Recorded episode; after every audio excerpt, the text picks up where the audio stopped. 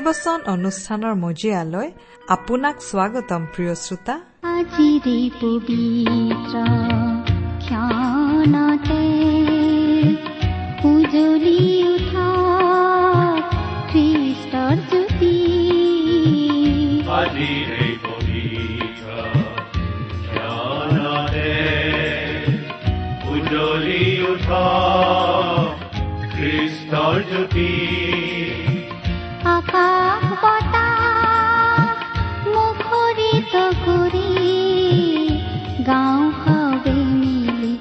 প্ৰিয় শ্ৰোতা ভক্তিবচন অনুষ্ঠানত আপোনাক পুনৰ লগ পাই আমি নথৈ আনন্দিত। আশা কৰোঁ এই অনুষ্ঠানত প্ৰচাৰ হোৱা বাক্যসমূহে আপোনাৰ ব্যক্তিগত জীৱনত অলপ হ'লেও সহায় কৰিছে। ঈশ্বৰ এগৰাকী সৰ্বশক্তিশালী ব্যক্তি। তেওঁ পৃথিৱী আকাশমণ্ডল আৰু সৌৰজগতৰ সকলোকে নিজৰ ইচ্ছাৰে আৰু পৰাক্ৰমেৰে শৃংখলাবদ্ধভাৱে স্থিৰ কৰি থৈছে। তেওঁ প্ৰতিটো বিষয়কে একো একোটা নিয়মৰ অৰ্থাৎ নিজ নিজ সীমাৰ অন্তৰ্ভুক্ত কৰি ৰাখিছে। সেইকাৰণে সকলোবোৰ সুন্দৰকৈ চলি আছে। সেইবোৰৰ এটা বিষয়েও যদি নিজ নিয়মক চেৰাই যাবলৈ ধৰে তেন্তে সকলোবোৰ খেলি মেলি অৰ্থাৎ ধ্বংস হ'ব। আমাৰ জীৱনবোৰো তেনেকুৱা। আপোনাৰ মোৰ জীৱনটোকো ঈশ্বৰে বৰ সুন্দৰকৈ শৃংখলাবদ্ধভাৱে মংগলৰ আঁচনিৰে সজাই ৰাখিছে। ঈশ্বৰৰ পৰাক্ৰমী সুৰক্ষাৰ তলত আপোনাৰ জীৱন সদায় সুৰক্ষিত। তেওঁত আশ্ৰয় ললে আপুনি জীৱনৰ প্ৰকৃত আনন্দ বিচাৰি পাব। তেওঁৰ বাক্যই আপোনাক তেওঁৰ বিষয়ে আৰু অধিককৈ জানিবলৈ সহায় কৰাৰ আশাৰে এয়া আপোনালৈ আগবঢ়াইছো। ভক্তি বচন মাটিৰ দেহা মাটিত মিলিব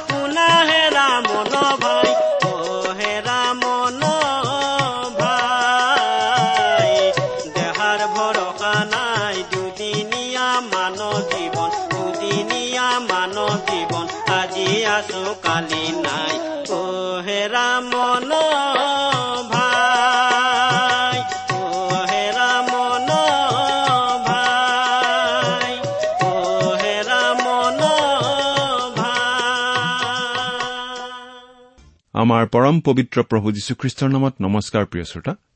আশা কৰো মহান পিতা পৰমেশ্বৰৰ মহান অনুগ্ৰহত আপুনি ভালে কুশলে আছে। আপুনি বাৰু আমাৰ এই ভক্তিবচন অনুষ্ঠানটো নিয়মিতভাৱে শুনি আছেনে? শুনি কেনে পাইছে? আমালৈ চিঠি লিখি জনাবচোন। আহকচোন আজিৰ বাইবেল অধ্যয়ন আৰম্ভ কৰাৰ আগতে খন্তেক প্ৰাৰ্থনাত মূৰ দুৱাওঁ। স্বৰ্গত থকা অসীম দয়ালু পিতৃ ঈশ্বৰ তোমাৰ মহান নামৰ ধন্যবাদ কৰো। তুমি সৰ্বশক্তিমান সৰ্বব্যাপী সৰ্বজ্ঞানী ঈশ্বৰ হৈও আমাৰ দৰে ক্ষুদ্ৰ মানৱক যে ইমান প্ৰেম কৰা সেই কথা ভাবিলেই আচৰিত হওঁ। তুমি আমাক ইমানেই প্ৰেম কৰিলা যে আমাক পৰিত্ৰাণ দিবলৈ তুমি তোমাৰ একেজাত পুত্ৰ যীশুখ্ৰীষ্টকেই আমালৈ দান কৰিলা। তেওঁ ক্ৰুচত নিজৰ পবিত্ৰ তেজেৰে আমাৰ পাপৰ প্ৰাচিত্য কৰিলে। আজি তেওঁত বিশ্বাস কৰি আমি অনন্ত জীৱন লাভ কৰি তোমাক পিতৃ বুলি মাতিব পৰা হৈছো। তাৰ বাবে তোমাক অশেষ ধন্যবাদ পিতা। এতিয়া আমি তোমাৰ মহান বাক্য বাইবেল শাস্ত্ৰ অধ্যয়ন কৰিবলৈ ওলাইছো প্ৰাৰ্থনা কৰিছো। তোমাৰ বাক্য তুমিয়েই আমাক বুজাই দিয়া। এই অনুষ্ঠান শুনি থকা আমাৰ মৰমৰ শ্ৰোতাসকলক তুমি উপচি পৰাকৈ আশীৰ্বাদ কৰা। কিয়নো এই প্ৰাৰ্থনা আমাৰ মহান ত্ৰাণকৰ্তা মৃত্যুঞ্জয় প্ৰভু যীশুখ্ৰীষ্টৰ নামত আগবঢ়াইছো।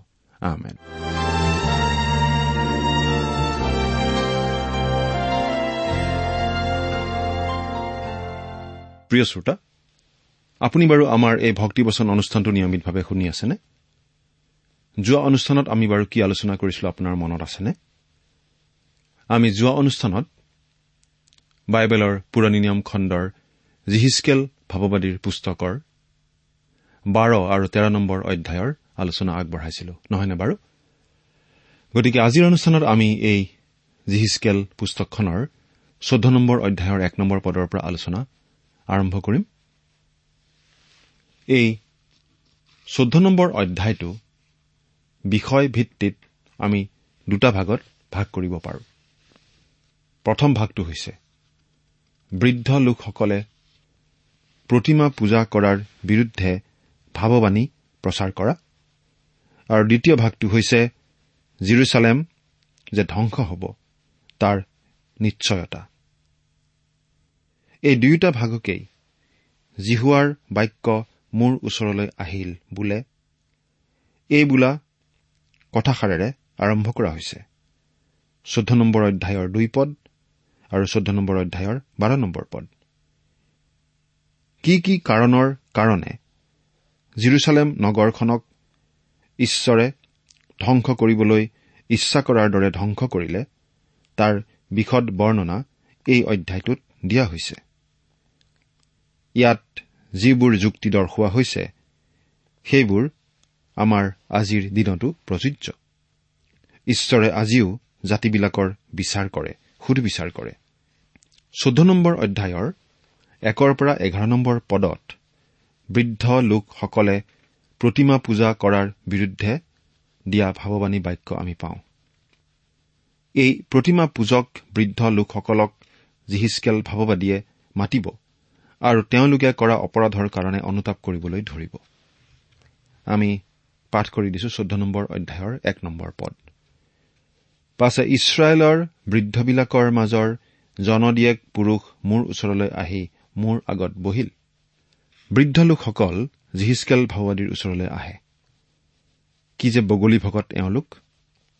এওঁলোকে এনেভাৱে ভাও জুৰিছে যেন এওঁলোকে বৰ মন দি জিহিচকেল ভাৱবাদীৰ কথাবিলাক শুনিব।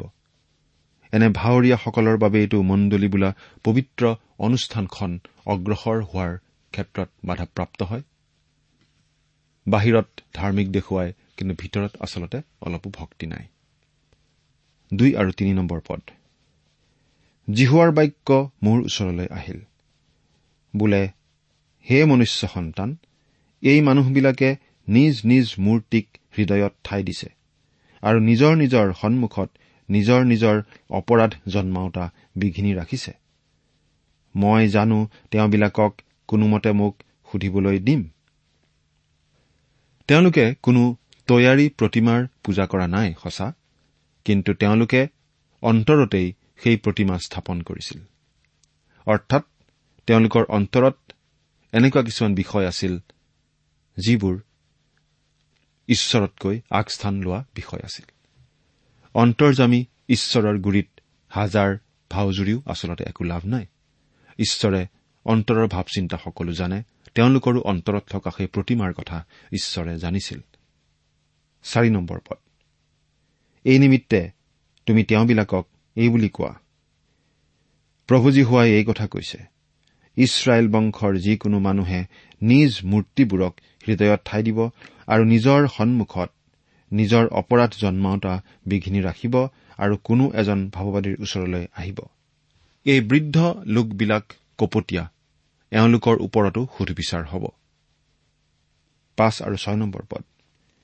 ইছৰাইলৰ গোটেই বংশ তেওঁবিলাকৰ মূৰ্তিবোৰৰ দ্বাৰাই মোৰ পৰা আঁতৰ হোৱাৰ কাৰণে মই তেওঁবিলাকৰ নিজ নিজ হৃদয়ৰূপ ফাণ্ডত তেওঁবিলাকক ধৰিবৰ নিমিত্তে সেই অহা মানুহৰ মূৰ্তিবোৰৰ বাহুল্য অনুসাৰে মই জিহুৱাই নিজেই তাক উত্তৰ দিম। এই হেতুকে তুমি ইছৰাইল বংশক কোৱা। প্ৰভু জিহুৱাই এই কথা কৈছে। তোমালোক ওলোটা। তোমালোকৰ মূৰ্তিবোৰৰ পৰা ঘূৰা। আৰু তোমালোকৰ আটাই ঘীনলগীয়া বস্তুলৈ পিঠি দিয়া। এওঁলোকৰ ক্ষেত্ৰত এটাই বিকল্প আছে। তেওঁলোকে কি কৰিব লাগিব? তেওঁলোকে অনুশোচনা কৰিব লাগিব। মন পালটন কৰিব লাগিব। আৰু খেদিত অন্তৰেৰে ঈশ্বৰৰ ওচৰলৈ ঘূৰি তেওঁৰ ক্ষমা গ্ৰহণ কৰি তেওঁৰ সান্নিধ্যত থাকিব লাগিব। এতিয়া আমি এই চৈধ্য নম্বৰ অধ্যায়ৰ বাৰ নম্বৰ আৰু তেৰ নম্বৰ পদ দুটা পাঠ কৰি দিম। পাছে জিহুৱাৰ বাক্য মোৰ ওচৰলৈ আহিল বোলে হে মনুষ্য সন্তান যদি এখন দেশে সত্য লংঘন কৰি মোৰ বিৰুদ্ধে পাপ কৰে আৰু মই তাৰ অহিতে মোৰ হাত মেলি তাৰ অন্ন ৰূপ লাখুটি ভাঙো আৰু তালৈ আকাল পঠাই তাৰ পৰা মানুহ আৰু পশু সকলোকে উচ্ছন্ন কৰো। তেন্তে নোহ দানিয়েল আৰু ইয়ুব এই তিনিজন লোক তাত থাকিলেও তেওঁবিলাকে নিজ নিজ ধাৰ্মিকতাৰ দ্বাৰাই কেৱল নিজ নিজ প্ৰাণহে ৰক্ষা কৰিব এইয়ে প্ৰভু জিহুৱাৰ বচন। বা যদি মই সেই দেশৰ সকলো ফাললৈ হিংসক জন্তু পঠাই দিওঁ আৰু সেইবোৰে তাক সন্তানহীন কৰে আৰু সেই জন্তুবোৰৰ কাৰণে কোনো মানুহ তাৰ মাজেদি যাব নোৱাৰাকৈ সেয়ে উচ্ছন্ন হয়।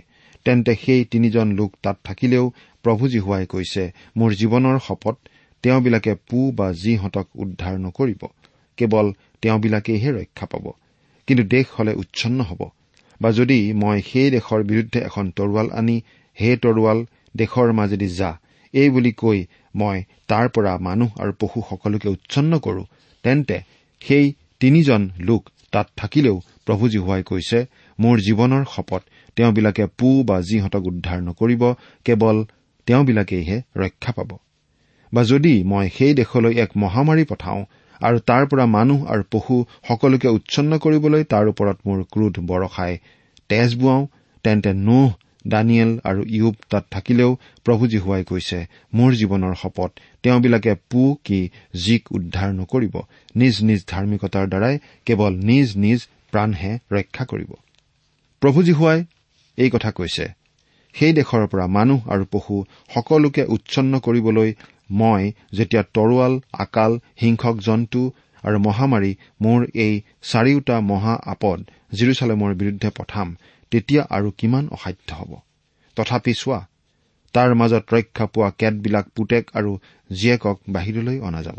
চোৱা তেওঁবিলাক তোমালোকৰ ওচৰলৈ ওলাই আহিব আৰু তোমালোকে তেওঁবিলাকৰ আচাৰ ব্যৱহাৰ আৰু তেওঁবিলাকৰ কাৰ্য দেখিবলৈ পাবা। তাতে জিৰচালেমলৈ মই ঘটোৱা অমংগলৰ বিষয়ে তালৈ মই ঘটোৱা সকলোৰে বিষয়ে তোমালোকে সান্তনা পাবা। তোমালোকে তেওঁবিলাকৰ আচাৰ ব্যৱহাৰ আৰু কাৰ্য দেখিলে তেওঁবিলাকে তোমালোকক সান্তনা দিব। কিয়নো তোমালোকে বুজিবা যে মই তাৰ মাজত কৰা একোকে বিনা কাৰণে কৰা নাই। এইয়ে প্ৰভু জী হোৱাৰ বাক্য। বাৰ নম্বৰ পদৰ পৰা একেবাৰে তেইছ নম্বৰ পদলৈকে আমি পালো। জিৰচালেম ধ্বংস হোৱাৰ নিশ্চয়তাৰ কথা ইয়াত দেখিলো। মিছলীয়া ভাৱবাদীসকলে তেতিয়াও ইফালৰ পৰা সিফাললৈ ঘূৰি ফুৰি কৈয়েই ফুৰিছিল। ঈশ্বৰে তেওঁৰ নগৰ জিৰচালেমখন ৰক্ষা কৰিব কাৰণ সেয়া তেওঁৰ নগৰ। তেওঁ তাক ভাল পায়। তেওঁ কৈছে যে তেওঁ হেনো নগৰখনৰ ওপৰত নজৰ ৰাখিছে। এইবোৰ মিছলীয়াহঁতৰ মিছা আৰু চলাহী কথা। ঈশ্বৰে কিন্তু বাৰ আৰু তেৰ পদত কৈছে যে নগৰখন বিদ্ৰোহী নগৰ। ই তেওঁৰ বিৰুদ্ধেই বিদ্ৰোহ কৰিছে। গতিকে জিৰচালেমৰ পতন অনিবাৰ্য। ই কাৰো কথালৈ কাণ নিদিয়ে। বিশ্বাস নকৰে। নোহ দানিয়েল বা ইউবেও যদি তেওঁলোকক ঈশ্বৰৰ কথা কলেহেঁতেন। তথাপি এই কঠিন মনা থৰডিঙীয়া ইছৰাইলে তেওঁলোকৰ কথাও নুশুনিলেহেঁতেন আৰু বিশ্বাস নকৰিলেহেঁতেন। নবুখত নেচৰৰ নিচিনা অতি মহান আৰু প্ৰতাপী ঈশ্বৰক নজনা ৰজায়ো দানিয়েলৰ কথা শুনিছিল আৰু বিশ্বাস কৰিছিল। কিন্তু ইছৰাইলে দানিয়েলৰ কথাও নুশুনিলেহেঁতেন আৰু বিশ্বাস নকৰিলেহেঁতেন। বাবিলনীয়া মানুহবিলাকে দানিয়েলক সত্য ঈশ্বৰৰ দাস স্বৰূপে চিনি পাইছিল। কিন্তু চকু থাকিও অন্ধ। এই জাতিটোৱে দানিয়েলক চিনি নাপালেহেঁতেন। গতিকে জিৰচালেমৰ নিমিত্তে অৱশেষত আটাই বিকল্প শেষ হ'ল আৰু এটাই বিকল্প থাকিলগৈ আৰু সেইটোৱেই হৈছে যে নবুখত নেচৰৰ তৰোৱালৰ দ্বাৰা নগৰখন সমোলঞ্চে ধ্বংস হ'ব লাগিব। ধ্বংস কৰিবলৈ নিশ্চয় কৰা হ'ল। এই নিশ্চয়তাত নোহ দানিয়েল বা ইউব কোনো এজনে হকাবধা কৰিব নোৱাৰিব কাৰণ জিৰচালেম ধ্বংস কৰিবলৈ ঈশ্বৰে নিশ্চিত কৰিলে। ঈশ্বৰৰ বচনলৈ কাণসাৰ নকৰা প্ৰতিজন ব্যক্তি প্ৰতিখন খ্ৰীষ্টীয় মণ্ডলী আৰু প্ৰতিটো জাতিৰ গতি জিৰচালেমৰ গতিয়েই হ'ব। জগতে ঈশ্বৰৰ বচনলৈ কাণ পাতিব লাগে শুনিব লাগে আৰু শুনি বিশ্বাস কৰি পৰিত্ৰাণ গ্ৰহণ কৰিব লাগে। এয়াই ঈশ্বৰৰ ইচ্ছা। এতিয়া আমি পোন্ধৰ নম্বৰ অধ্যায়ৰ পৰা চাওঁ হওক এই পোন্ধৰ নম্বৰ অধ্যায়ত আমি পাওঁ এটা দৃষ্টান্ত। ফল নধৰা দ্ৰাক্ষালতাৰ দৃষ্টান্ত। দ্ৰাক্ষালতাই ইছৰাইল জাতিটোক বুজায়। যিচয়া পাঁচ নম্বৰ অধ্যায়ত আমি যি দ্ৰাক্ষালতাৰ উল্লেখ পাওঁ সেইডালো ইছৰাইলক বুজাবলৈকেই ব্যৱহাৰ কৰা হৈছিল। সেই কথা আমি স্পষ্টভাৱে জানিব পাৰোঁ। যিচয়া পাঁচ নম্বৰ অধ্যায়ৰ সাত নম্বৰ পদটো পঢ়ি চাবচোন। যিচয়া পাঁচ নম্বৰ অধ্যায়ৰ সাত নম্বৰ পদ। এতিয়া আমি এই পোন্ধৰ নম্বৰ অধ্যায়ৰ এক নম্বৰ পদৰ পৰা একেবাৰে চাৰি নম্বৰ পদলৈকে পাঠ কৰি দিম। পাছে জিহুৱাৰ বাক্য মোৰ ওচৰলৈ আহিল। বোলে হে মনুষ্য সন্তান দ্ৰাক্ষালতাৰ কাঠ কাঠনিৰ গছবোৰৰ মাজৰ দ্ৰাক্ষালতাৰ ডাল আন সকলো গছৰ কাঠতকৈ কিহত শ্ৰেষ্ঠ? কোনো কাৰ্য কৰিবলৈ মানুহে জানো তাৰ পৰা কাঠ ল'ব? বা কোনো পাত্ৰ আঁৰি থবলৈ জানো তাৰ পৰা এটি খুটি আনিব। চোৱা তাক পুৰিবলৈ জুইত দিয়াৰ পাছত জুইয়ে তাৰ দুই মূৰ ভস্ম কৰিলে। আৰু তাৰ মাজভাগ দেই গলে সেয়ে জানো কোনো কাৰ্যৰ যোগ্য হ'ব। এই পদকেইটাত ঈশ্বৰে মানুহৰ জীৱনত খটাব পৰা শিক্ষাৰ এটা উপমা দিছে। এজোপা দ্ৰাক্ষালতাৰ উদ্দেশ্যই বা কি? জোহনে লিখা শুভবাৰ্তা পোন্ধৰ নম্বৰ অধ্যায়ত। প্ৰভু যীশুখ্ৰীষ্টই দ্ৰাক্ষালতাক বিশ্বাসকাৰীসকলৰ ছবি হিচাপে ব্যৱহাৰ কৰিছে। তেওঁ কৈছে ইছৰাইল জাতিটো আৰু দ্ৰাক্ষালতা হৈ থকা নাই কিন্তু মইহে প্ৰকৃত দ্ৰাক্ষালতা জোহন পোন্ধৰ অধ্যায় এক পদ। তেওঁ কৈছে ময়েই প্ৰকৃত দ্ৰাক্ষালতা এই জোহন পোন্ধৰ নম্বৰ অধ্যায়ত প্ৰভু যীশুৱে পৰিত্ৰাণৰ বিষয়ে কোৱা নাই। তেতিয়াহ'লেনো কিহৰ বিষয়ে দ্ৰাক্ষালতাৰ কথা কোৱা হৈছে?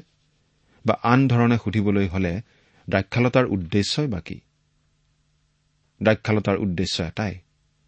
ইয়াৰ উদ্দেশ্য হল ফল ফলা হয় ফল ফলা তাৰ বাহিৰে আন একো উদ্দেশ্য নাই। জিহিচকেল পুস্তকৰ এই অধ্যায়টোত ঈশ্বৰে কোৱা কথাটো হৈছে যে আপুনি এখন কাঠৰ আচবাবৰ দোকানলৈ গৈ দ্ৰাক্ষালতা কাঠৰ বিচনা বা মেজ নিবিচাৰে। যদি বিচাৰে তেন্তে মানুহে আপোনাক ধৰি কোনোবা পগলা ফাটেকলৈ লৈ যাব। কাৰণ কোনো পাগলে দ্ৰাক্ষালতাৰ কাঠেৰে বিচনা বা মেজ নাসাজে। কাৰণ দ্ৰাক্ষালতাৰ কাঠ বিচনা বা মেজ তৈয়াৰ কৰিবৰ বাবে একেবাৰে লায়কৰ কাঠ নহয় ইমান ডাঙৰ কাঠো নহয়। দ্ৰাক্ষালতাই কেৱল এটাই খুব ভাল কাম কৰে। আৰু সেই কামটো হৈছে ই ফল দিয়ে। বা আন কথাত কবলৈ হলে দ্ৰাক্ষালতা এজোপাৰ উদ্দেশ্য হৈছে ফল ধৰা। প্ৰভু যীশুৱে কৈছে যে দ্ৰাক্ষালতাই যদি ফল নিদিয়ে তেন্তে ই কেৱল জুইত পুৰা খাবৰ বাবেহে উপযুক্ত। জোহন পোন্ধৰ নম্বৰ অধ্যায়ত প্ৰভু যীশুৱে এগৰাকী বিশ্বাসকাৰীৰ জীৱনত ফল ফলা আৰু নফলাৰ কথা কবলৈ গৈ কৈছে যে যিজন বিশ্বাসকাৰীৰ জীৱনত ফল নফলে তেওঁৰ পৰা পৰিত্ৰাণ আঁতৰাই দিয়া নহয় কিন্তু বিশ্বাসকাৰীজনকহে ফল ফলা স্থানৰ পৰা আঁতৰাই দিয়া হয়। আৰু বাস্তৱিকতেই প্ৰিয় শ্ৰোতা জীৱনত ফল নধৰা বিশ্বাসকাৰীসকলক বহু প্ৰকাৰে প্ৰভুৱে এফলীয়া কৰি ৰাখে। প্ৰভু যীশুৱে কৈছে তোমালোকৰ ফল ফলা জীৱনক লৈয়েই মোৰ পিতা ঈশ্বৰ গৌৰৱান্বিত হয়। জোহন পোন্ধৰ নম্বৰ অধ্যায়ৰ আঠ নম্বৰ পদ। ইছৰাইলৰ সন্তানসকলৰ জীৱনত ফল ফলা নাছিল আৰু সেয়ে তেওঁলোকৰ ক্ষেত্ৰত ঈশ্বৰে কৈছে জিৰচালেম নগৰখনক পুৰি পেলোৱাৰ বাহিৰে তাক লৈ মোৰ কৰিবলগীয়া আৰু একো কাম নাই। কাৰণ তেওঁলোক ফল ফলিবলগীয়া দ্ৰাক্ষালতা হৈ থকা নাই। তেওঁলোকে ফল ফলিবলগীয়া হৈও ঈশ্বৰৰ মনোনীত জাতি হৈও তেওঁলোকে ফল ধৰা নাছিল। তেওঁলোক ঈশ্বৰৰ মনোনীত জাতিস্বৰূপে তেওঁলোকৰ সেই জীৱন্ত ঈশ্বৰৰ প্ৰতিনিধিত্ব কৰিব পৰা নাছিল। তেওঁলোকৰ জীৱনত সেইজনা মহান ঈশ্বৰক প্ৰকাশ কৰিব পৰা নাছিল। তাকে কৰিব পৰাত তেওঁলোক তেওঁলোকৰ জীৱনত বৰ বেয়াকৈ অকৃতকাৰ্য হৈছিল। এগৰাকী খ্ৰীষ্টীয় লোক হিচাপে আজি আপোনাৰ হাতত যদি এক মহৎ খ্ৰীষ্টীয় দায়িত্ব অৰ্পণ কৰা হৈছে তেন্তে দায়িত্ব পালন কৰিবলৈ আপুনি দায়বদ্ধ। সেই দায়িত্ব আপোনাৰ নিজৰ স্থানীয় মণ্ডলীৰ ভিতৰৰ দায়িত্বও হ'ব পাৰে। নাইবা মণ্ডলীৰ বাহিৰত আৰু বহু দূৰৈত মণ্ডলী বা খ্ৰীষ্টীয় লোক নথকা ঠাইৰ হাজাৰ হাজাৰ হেৰুৱা আত্মাবিলাকৰ মাজত পৰিত্ৰাণৰ শুভবাৰ্তা বাহক হোৱাৰ দায়িত্বও হয়তো হ'ব পাৰে। আপুনি সেই দায়িত্ব পালন কৰি ফল ফলাব পাৰেনে? যদি স্থানীয় মণ্ডলীৰ পৰিচৰ্যা কৰিছে তাতেই আপুনি প্ৰভুৰ অমূল্য তেজেৰে কিনা হোৱা মেৰৰ জাকক ভালদৰে লালন পালন কৰি তেওঁলোকক আম্মিক জীৱনত বৃদ্ধি কৰোৱাব পাৰিছেনে? নাইবা পৰিত্ৰাণৰ শুভবাৰ্তা বাহকৰ দায়িত্ব বহন কৰি নৰকৰ পথত গমন কৰা দুৰ্ভগীয়া আত্মাবোৰক সম্পূৰ্ণ আন্তৰিকতাৰে সৰগলৈ গমন কৰা পথলৈ ঘূৰাই আনিব পৰা গৈছেনে? মণ্ডলীতেই হওক বা আন সুকীয়া কৰ্মক্ষেত্ৰতেই হওক আপুনি ঈশ্বৰৰ বচন দিব পাৰিছেনে? আমি যিসকলে ঈশ্বৰৰ বচন শুনিলো বুজিলো আৰু বিশ্বাস কৰি গ্ৰহণো কৰিলো আমাৰ দায়বদ্ধতা হৈছে সেই জীৱনৰ বচন আনৰ আগত ঘোষণা কৰা আৰু খ্ৰীষ্টীয় মেৰৰ গঁড়ালৰ মেৰবিলাকক সেই বচন তেওঁলোকৰ আম্মিক আহাৰ ৰূপে ভোজন কৰোৱাই খ্ৰীষ্টীয় জীৱনত বৃদ্ধি পাবলৈ সহায় কৰা। আৰু এইদৰেই আমি আমাৰ দায়িত্বশীল জীৱনত ফল ফলাব লাগে। তাকেই ঈশ্বৰে আমাৰ পৰা বিচাৰে। সেয়ে নহলে কটা যোৱা ফলহীন ডাল এডাল কেৱল খৰিৰ কাৰণে যোগ্য হোৱাৰ দৰে আমিও ফলহীন বৃক্ষৰ ভূমিকা লওঁ আৰু প্ৰভুৰ কামৰ বাবে ব্যৱহাৰৰ যোগ্যতা হেৰুৱাই অকৰ্মণ্য হৈ পৰো আৰু খ্ৰীষ্টীয় লোক ৰূপে আমাৰ অস্তিত্ব অৰ্থহীন হৈ পৰে। জিহিচকেল পোন্ধৰ নম্বৰ অধ্যায় আৰু জোহন পোন্ধৰ নম্বৰ অধ্যায়ৰ শিক্ষাই আমাক আমাৰ আম্মিক দায়বদ্ধতাত ফল ফলোৱা দায়িত্বটোত সজাগ কৰি দিছে। এতিয়া আমি ষোল্ল নম্বৰ অধ্যায়টোলৈ আগবাঢ়ো হওক। এই ষোল্ল নম্বৰ অধ্যায়টোত আন এটা উপমাৰে আমাক আন এটা বিষয় শিকোৱা হৈছে। উদাহৰণটো হৈছে এটি পৰিত্যক্ত অনাথ শিশুৰ উপমা।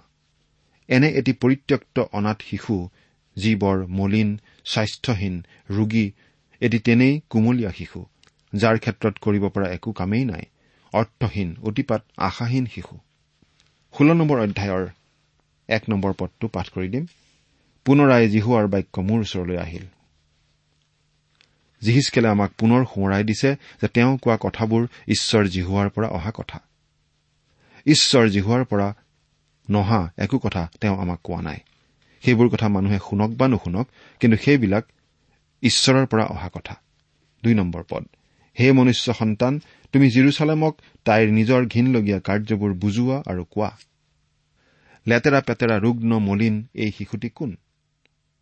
এই অবৈধ অনাথটি কোন? ই হৈছে জিৰচালেম নগৰ। তিনি নম্বৰ পদত আমি পাওঁ। প্ৰভু যি হোৱাই জিৰচালেমক কৈছে তোমাৰ উৎপত্তি আৰু জন্মৰ ঠাই কনানিয়াবিলাকৰ দেশ। তোমাৰ বাপেৰা ইমুৰীয়া আৰু তোমাৰ মাৰা হিত্যা জিৰচালেমৰ আৰম্ভণি হিত্যা মাতৃ আৰু অমূৰীয়া পিতৃৰ পৰা গতিকে গৌৰৱ কৰিবলগীয়া একো নাই। ষোল্ল নম্বৰ অধ্যায়ৰ চাৰি আৰু পাঁচ নম্বৰ পদ। তোমাৰ জন্ম বৃত্তান্ত এই তোমাৰ জন্মদিনা তোমাৰ নাৰী কটা নাছিল বা তোমাক পৰিষ্কাৰ কৰিবলৈ তোমাক পানীত ধুওৱা নাছিল তোমাক সমূলি লোন ঘঁহা কি কাপোৰেৰে মেৰুওৱা নাছিল তোমাক দয়া কৰি তোমালৈ এইবোৰৰ কোনো এটাকে কৰিবৰ অৰ্থে তোমালৈ কোনেও কৃপা দৃষ্টি নকৰিছিল কিন্তু তোমাৰ জন্মদিনা তোমাৰ গা ঘীনলগীয়া হোৱাৰ কাৰণে তোমাক মুকলি পথাৰত পেলাই দিয়া হৈছিল। জিৰচালেম হৈছে অবৈধ অনাথ শিশু দলিয়াই পেলাই দিয়া পৰিত্যক্ত আৰু আল পৈচান নোপোৱা শিশু। ষোল্ল নম্বৰ অধ্যায়ৰ ছয়ৰ পৰা আঠ নম্বৰ পদত আমি পাওঁ যে ঈশ্বৰে কৈছে অবৈধ অনাথ এই সহায় আৰু আশ্ৰয়হীন শিশুটিক তুলনীয়া সন্তানৰূপে তুলি তালি ডাঙৰ দীঘল কৰি ঈশ্বৰে নিজৰ সন্তান কৰি লৈছিল। এতিয়া ন নম্বৰ পদৰ পৰা এঘাৰ নম্বৰ পদ পাঠ কৰি দিছো। পাছে মই তোমাক পানীৰে ধুলো এনেকে তোমাৰ গাৰ পৰা তোমাৰ তেজ সম্পূৰ্ণকৈ ধুই তেল ঘঁহিলো। মই তোমাক কাৰচিপি বন কৰা কাপোৰো পিন্ধালো তোমাৰ ভৰিত তহচ জন্তুৰ ছালৰ জোতা দিলো। তোমাৰ কঁকালত মিহি সন সূতাৰ টঙালি বান্ধিলো আৰু তোমাক পাতৰ বস্ত্ৰেৰে বিভূষিত কৰিলো। মই তোমাক অলংকাৰেৰেও সজালো। তোমাৰ হাতত খাৰু আৰু ডিঙিত হাৰ দিলো। ঈশ্বৰে শিশুটিৰ কাৰণে ইমানবোৰ কাম কৰিলে। হয় প্ৰিয় শ্ৰোতা এই অনাথ অবৈধ আৰু মলিন শিশুটিৰ অৱস্থাই আমাৰো আম্মিক অৱস্থা আছিল যেতিয়ালৈকে আমি প্ৰভু যীশুখ্ৰীষ্টত আশ্ৰয় লৈ সেই নিহ অৱস্থাৰ পৰা পৰিত্ৰাণ গ্ৰহণ কৰা নাছিলো।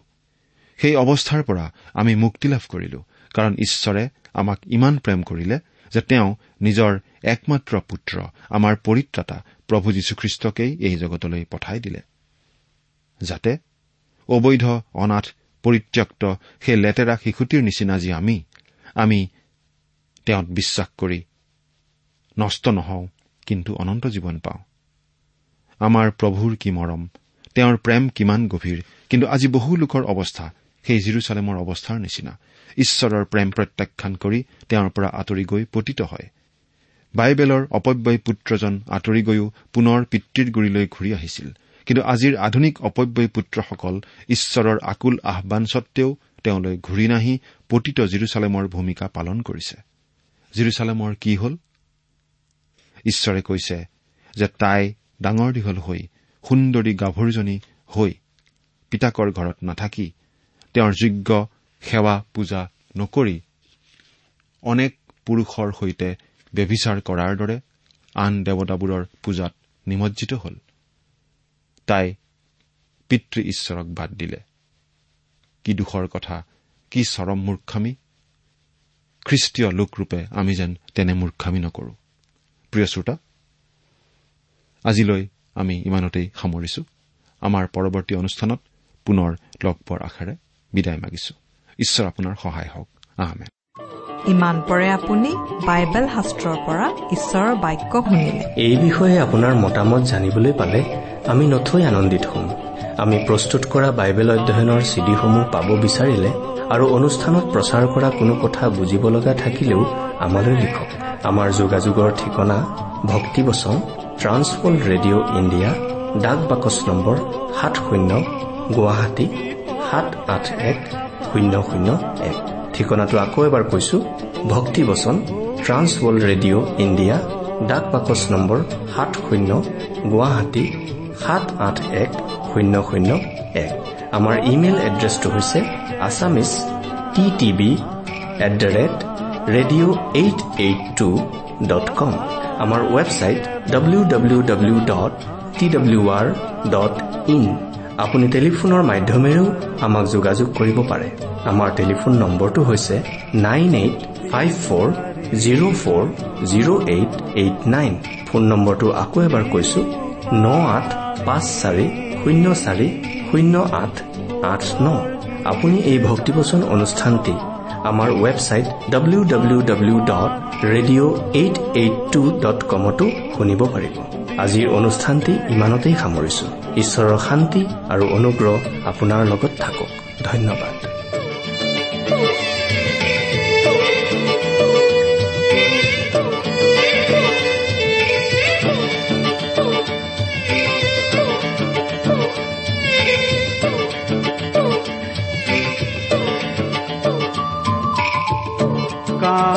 दारी